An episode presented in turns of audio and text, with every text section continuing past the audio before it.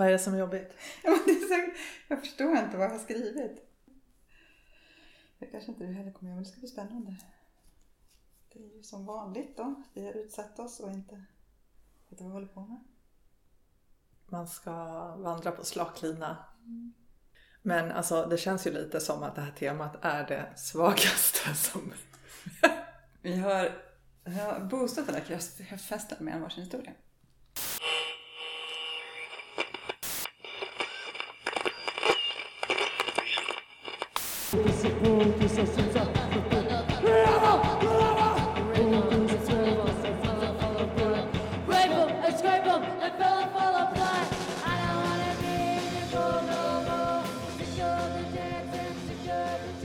Jag har börjat spela in. Har Så, du? ja, så är bara vi uh, kör igång och är redo. För att vi ska känna oss lite så här, inte bli så rädda för själva inspelningen liksom, Ja, utan att den okej. drar igång på en gång. Eller att vi bara glider, glider in omärkligt i det här. Mm. Idag är det kräftfest. I alla fall i skräckologernas podcast. Mm, och även utanför den. Vi ska på kräftskiva. Eh, och vad passar då bättre än att dagens tema är kräftor? Ja. Eller likätare kom vi på att vi skulle kalla det när vi pratade om det här avsnittet. För det är ganska märkligt ändå att man äter ett djur som äter kadaver. Har du tänkt på det förut? Jag har tänkt att det är ganska äckligt, ja.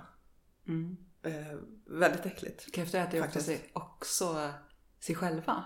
Eller sina artmedlemmar eller familjemedlemmar eller vad det nu är, bara de har dött. Ja, men det tänker jag, det är väl inte specifikt för dem. Det gör väl de flesta om de behöver. Eller många.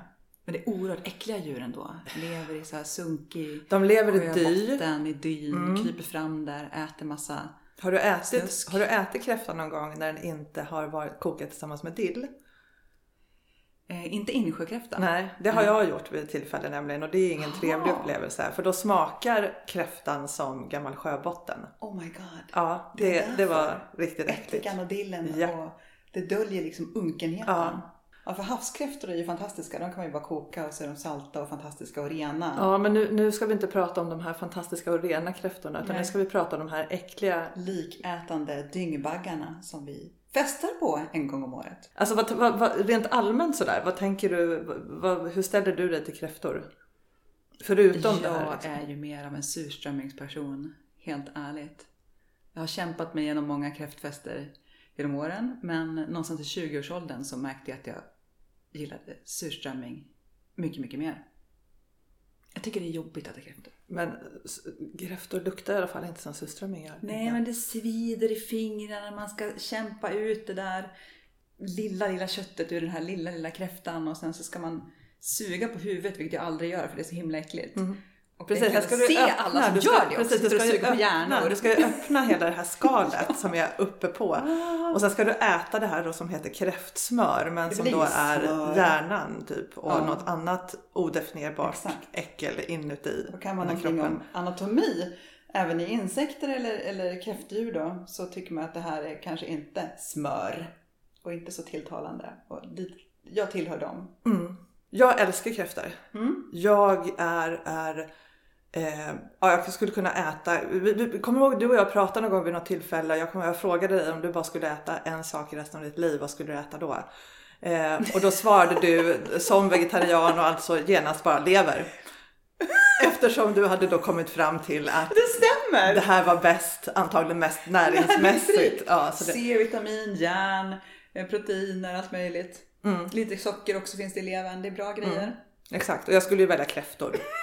Jag skulle kunna, jag är helt Jag säker kommer på överleva. Kräftor innehåller säkert bra grejer också, särskilt om man äter smöret. Om du äter smöret rått Jenny. Absolut. Men, men alltså jag, jag älskar kräftor. Men samtidigt som, som jag älskar kräftor så tycker jag ju att det är någonting i grunden rätt snuskigt över hela det här konceptet kräftfest. För att det går ut i princip och du ska sitta där och sörpla som du säger och, och skära dig eh, och du ska bli full också. Du ska äta kräftor och du ska dricka snaps och du ska bli full. Det är i princip det som det går ut på. Och så ska du gärna ha på dig då någon form av liten fånig kräfthatt så att du går in i det här lite förnedrad redan från början. med den här hatten och sen ska du ha en haklapp på dig eftersom du kommer att söla ner dig så himla mycket. Eh, så att hela, hela situationen är ju lite Så vi äter svår. eh, un, unkna likätare och piffar upp det med ättika, eh, dill, eh, roliga hattar och massa sprit. Man kan ju tänka att många av de där sakerna kanske bara är så distraktioner för att, Vi inte ska tänka för på att vi ska tänka på likätandet. Eller Mm. likätarna som vi då äter. Kräftor kan också reproducera sina förlorade lemmar, visste du det? Ja, det visste jag inte. Som sjöstjärnor alltså. Ja, precis. Om de tappar en klo så kan det växa ut en ny klo. De tillhör är- ju leddjur. Exakt, och de är eh, Egentligen så är de besläktade med spindlar också. Andra, andra Mm. Skorpioner. ledardjur. Skorpioner, precis. Eh, Men de har en ganska intressant parningsritual. Där hanen välter ner honan på rygg och lägger en spermieplugg i Och sen bär hon då rommen under hela, det här sker i augusti efter kräftfisket. När vattnet blir tillräckligt kallt och så bär hon rommen då under hela vintern och så föder hon små, eller föder hon inte, de kläcks ju små kräftungar som hon också bär under svansen en tid på våren. Ja.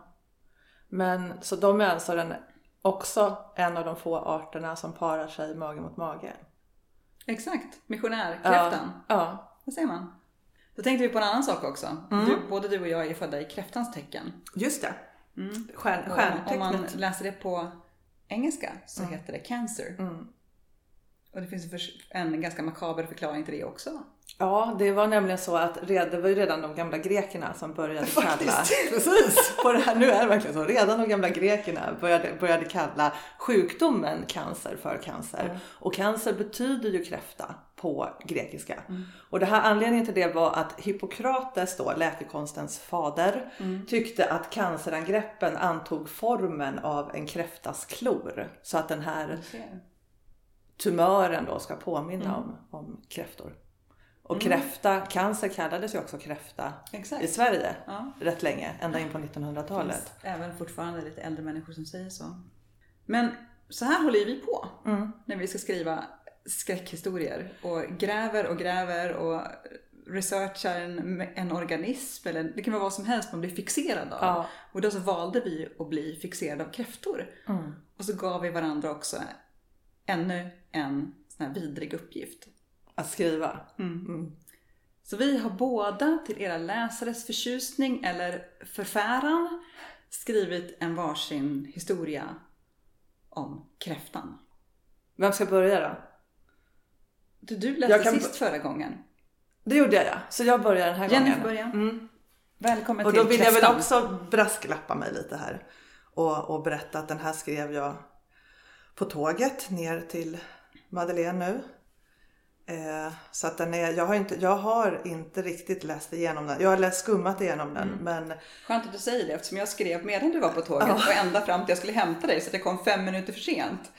Så att eh, Ja. vi kör det här konceptet. Vi kör- vi är kör det här. flash fiction, ja det är det verkligen. ren, nyskrivet, antagligen galet. Ja, och så vill jag be om ursäkt då eftersom jag inte känner den här texten så kanske jag råkar staka mig ibland men jag ska försöka Då får du sluta. Kräftan göra det här så av- bra som möjligt. Nu, nu har jag ju redan då frångått det här temat lite och ägnat mig åt någon form av kreativ frihet så att jag har kallat den här för kräftfrälsning. Ja, nu börjar jag. Händelsen jag vill berätta om utspelar sig när jag var 12 år i augusti. Jag tillbringade somrarna hos min mormor och morfar i en liten by i inre Småland. Omgiven av den mörka täta skogen, här och var uppbruten av skogssjöars blanka stillhet. Nattmörkret hade återvänt. Daggen la sig under natten, morgonljuset hade en sprödhet över sig och skolstarten låg bara några veckor fram. Det var de där skälvande dagarna då jag visste att sommaren var på väg att ta slut och det gjorde varje timme ännu mer betydelsefull. En av de där dagarna satt jag och mina två kusiner utanför lanthandeln. Vi hade köpt godis för pengar vi lyckats jobba ihop genom att rensa gubben Antonssons tomt från kottar. När jag såg bort mot bygdegården och festplatsen framför den och upptäckte att det stod ett stort tält där. Det var vitt och påminde om ett cirkustält. Vi gick naturligtvis genast dit. Väckelsemöte ikväll klockan 20 stod det på en skylt utanför tältet. Inne i tältet var det tomt. Men träbänkar stod uppställda i rader och längst bort från ingången, den vi kikade in igenom, var det som en upphöjning, ett podium eller en scen. Ingen av oss vågade gå in utan vi stod i öppningen och kikade och tasslade ett tag innan vi hörde ett brak som av trä som knäcktes från andra sidan tältet och det fick oss att springa till våra cyklar och sticka därifrån. På kvällen satt vi till bords och åt kvällsmat, mormor, morfar och jag.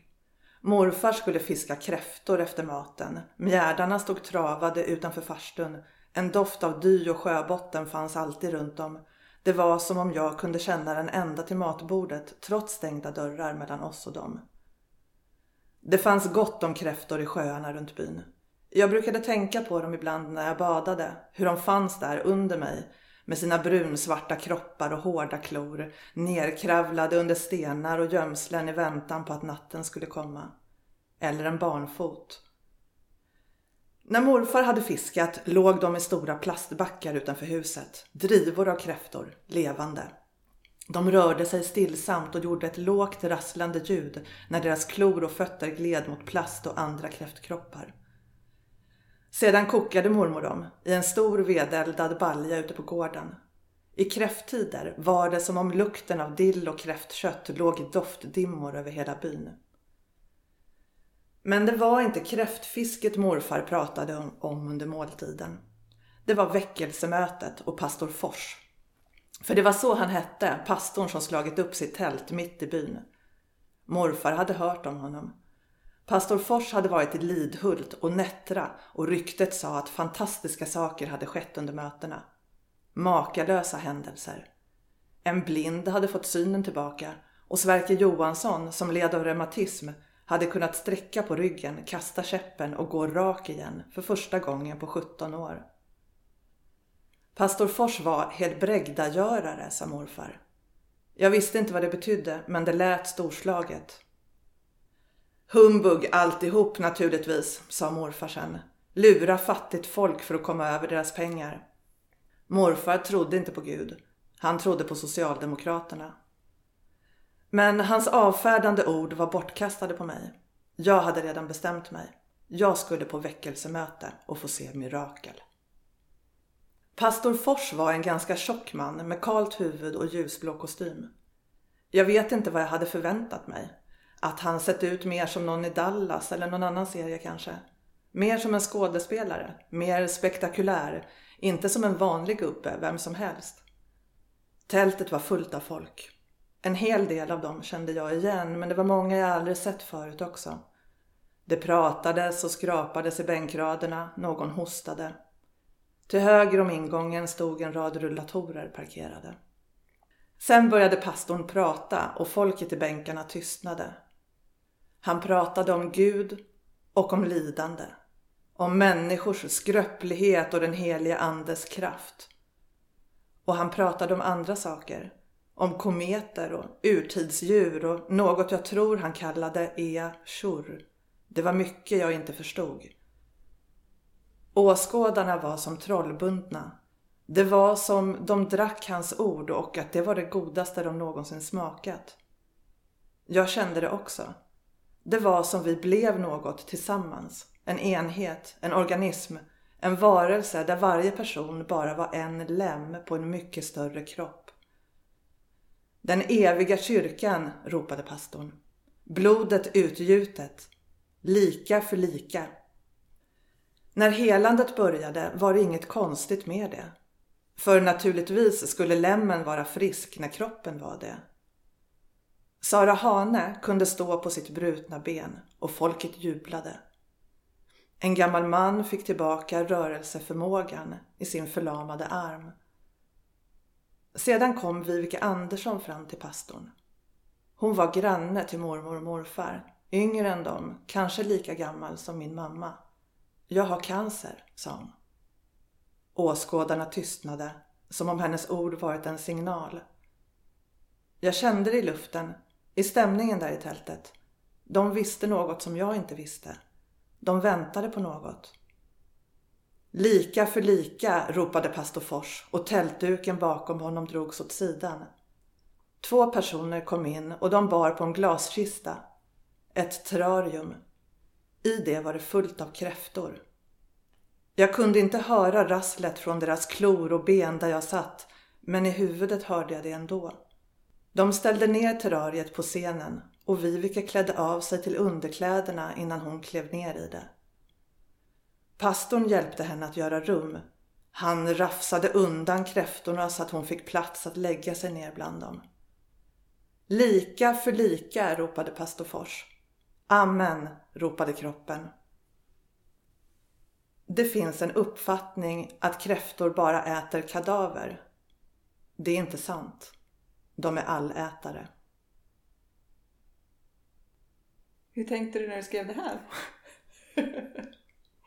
Eh, Jag gjorde den här kopplingen med kräftor och Louisiana.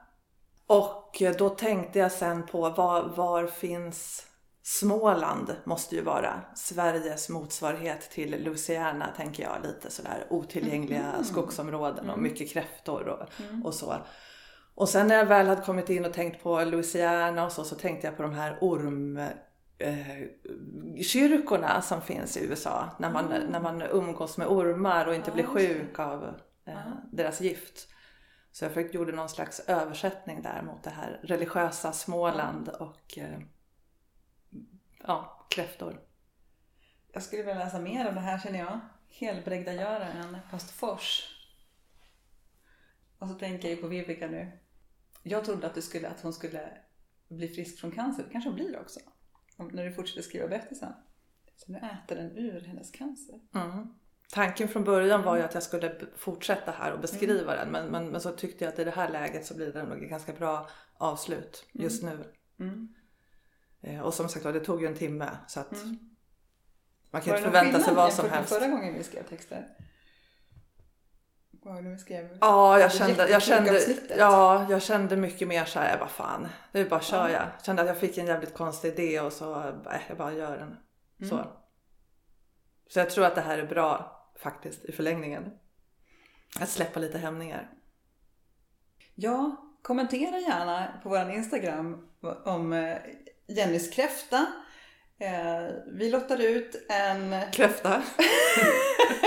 Signerade kräftor. Ja, är man extra bra så, på att eh, fjäska för Jenny så kan man kanske få någonting extra spännande i present. Vi lottar naturligtvis ut en kräfthatt ifrån kräftskivan som vi ska få. Absolut, Det kan vara kräftspad på den. det kan vara det. Känner du dig eh, redo? Jag kommer aldrig bli redo för det här. Nej. Okej, kör du ändå. Jag kör ändå. Mm. Mm. Jag har bara kallat den här historien för kräftan. Bra namn. Vattnet är iskallt. Det är alltid iskallt just här där ekan står. Iris far säger att det beror på kallkällan. Den kommer ut bakom storstenen ett par meter från förtöjningsplatsen. När Iris var liten brukade hon krypa upp i båten för att slippa kylbetten kring vaderna. Hon älskade att kura ihop sig i kärlukten och lyssna till det stilla kluckandet mot ekans sidor och vänta på att mor och far skulle bli klara med kräftburarna. Nu är det tre år sedan mor dog och Iris har vant sig vid både kallkällan och uppgifterna som en gång var mors. Det är far som leder, som pekar med krokkäppen var burarna ska ställas. Men nu är det Iris som måste ta sig dit, som måste balansera över hala stenar med en bur i varje hand. Och så agnar hon förstås. Det har hon gjort så länge hon kan minnas. Allt mer förfinat och uttänkt för varje år. Hon var bara sju år när hon kom på det där med måsarna. Det var en morgon i mitten på augusti. Vattnet låg som en spegel över Jungfruviken och kräftdiket. Långgräset längs stranden daggade över gummistövlarna. Iris kisade i den låga morgonsolen och tänkte att just nu, just här, var allt helt perfekt.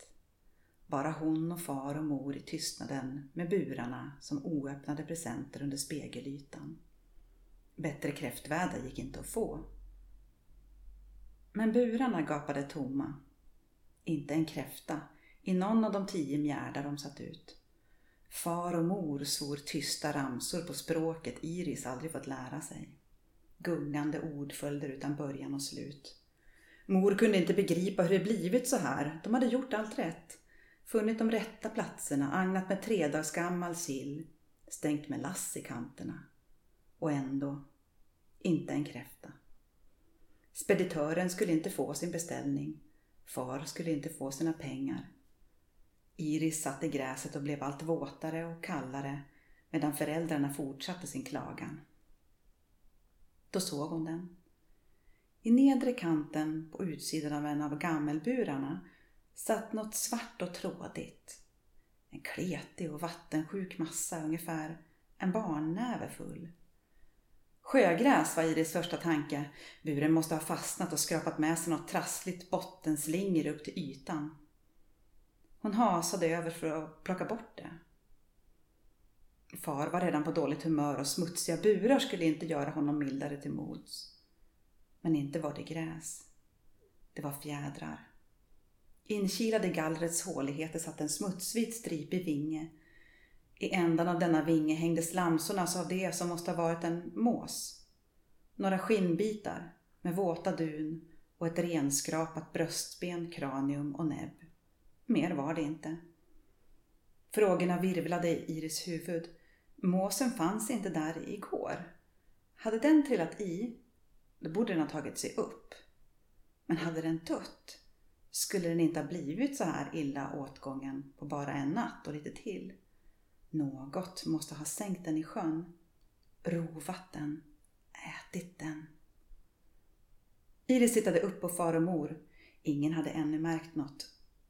Utan att veta varför lutade hon sig snabbt fram mot måsresterna och drog in ett djupt andetag. En sockrigt tung och jordig doft fyllde näsan. Iris hjärta snabbade upp. Hon tog ett andetag till. Doften var ännu sötare nu, ännu kryddigare, ännu ljuvligare. Hon kände dem så tydligt, den våta mörkna sockrigheten hon vaggat sig till sömns i tidiga augustimorgnar som denna. Kräftornas doft under bilfärden hem. Far hade sagt att i dessa djur möts döden och livet. I milda ordalag försökte han också förklara kräftans roll i sjövattnets mörker. De håller rent, förstår du, var orden han använde. Det var först när Iris hittade måsen som hon förstod vad det betydde och hur ljuvligt deras arbete faktiskt är. Efter morgonen med måsen agnade Iris annorlunda. Ingen mer sill. Nu började Iris leta. I skogarna kring huset sökte hon efter nydöda sorkar och harar. Hon förföljde grannarnas katter och bestal dem på småbyten. Hon lärde sig flå den hösten. Lärde sig vad ben kopplar till ben och uppskatta och förstå inälvornas sammanflätning i bukhålan. Kräftburarna var aldrig mer tomma och månarna sjöng för i bilen på väg till speditören. Mor skrattade och kramade Iris, viskade de sjungande orden i hennes öron. Iris drog in hennes jasmindoft så långt att hon kunde känna mors hjärta där inne. Det kämpade mot något. Mor försvann första helgen i augusti, tre år senare. Iris hade just fyllt tio och precis som varje år hade de firat i stenröset bakom skogsdungen. Far hade lyft upp henne på sina axlar och för första gången vandrat med Iris i hela cirkeln. Iris hade sträckt ut armarna och blundat. Hon låtsades att hon flög där hon sprang varv efter varv i gruset. Mor orkade inte gå längre. Jasmindoften stod tung och kall kring henne numera och hon satt på en av stenarna och klappade takten medan Iris och far flög i sin cirkel, steg efter steg. På kvällen hade hon lagt sig tidigt. Iris glömmer aldrig hur mor kysste hennes kind den där sista gången. Länge lät hon läpparna vira, vila mot Iris hud. När hon sen gick mot sängkammaren var det som om andetagen satt kvar där. Och det var därför Iris visste vad hon skulle göra den natten. Hon hade väntat till långt efter midnatt. Satt upp i sin säng tills tystnaden kändes tillräckligt tät. Då hämtade hon mor. Hon låg redan beredd i stora sängkammaren. När Iris öppnade dörren hade hon rest sig utan ett ord och följt med. De gick till cirkeln i röset. Fars och Iris flygande hade fördjupat dess kanter i gruset. Den är redo nu, sa Iris och mor hade nickat och lagt sig i mitten. Iris hade använt den långa, smala kniven. Det blev renast så. Hon kunde komma in precis i det lilla mellanrummet mellan hud och kött utan att sarga de blänkande hinnorna därunder. Mors andetag satt fortfarande på Iris kind medan hon arbetade, bit för bit, ben för ben, perfekt avmätta för sitt syfte. Far läste raderna över burarna när Iris lade agn och redan då kom de första kräftorna krypande. Mörkblå rader över bottenstenarna. Ända upp mot strandkanten kom de, slet i strandgräset med sina svarta klor. Far sa att han aldrig sett något liknande. Han kunde inte sluta le. Det blir en kräftsäsong utan dess like i år, Iris, sa han. Utan dess like. Åh! Fantastiskt! Och så bra! Det är som någon sorts blandning mellan de här norrländska författarna och, och sen någonting mycket mer oroväckande. Åh, berätta hur, hur, hur det här blev till. Ja, hörru du. Nej men jag började tänka på, på kräftor och hur de lever i botten och när jag fiskade kräftor när jag var liten och eh, och sen så var det som sånt här flödesskrivande när man inte riktigt vet var det ska ta vägen någonstans. Så himla konstigt.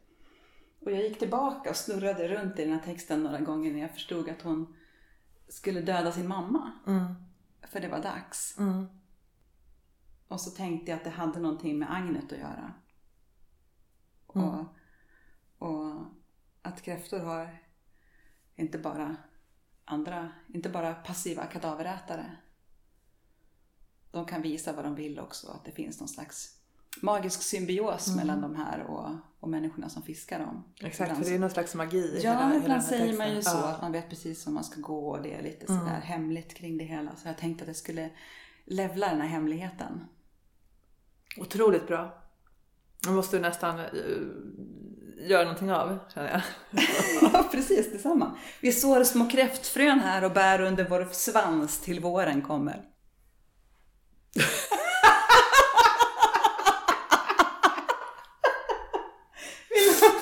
Vi lovar- inga fortsättningar på det här, men, men eh, det blev väl en ganska bra kräftfest. Det blev en bra kräftfest. En, en eh, obehaglig och eh, rätt kräftfest. Skräckologanda.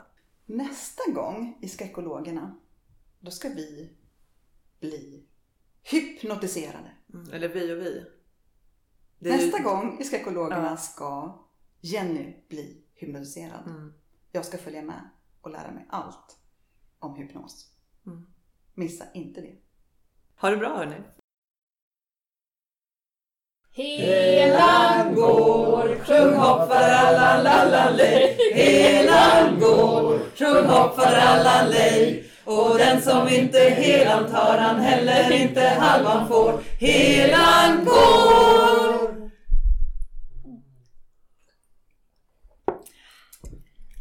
Sjung hopp för alla lej! Skål! Skål! Skål.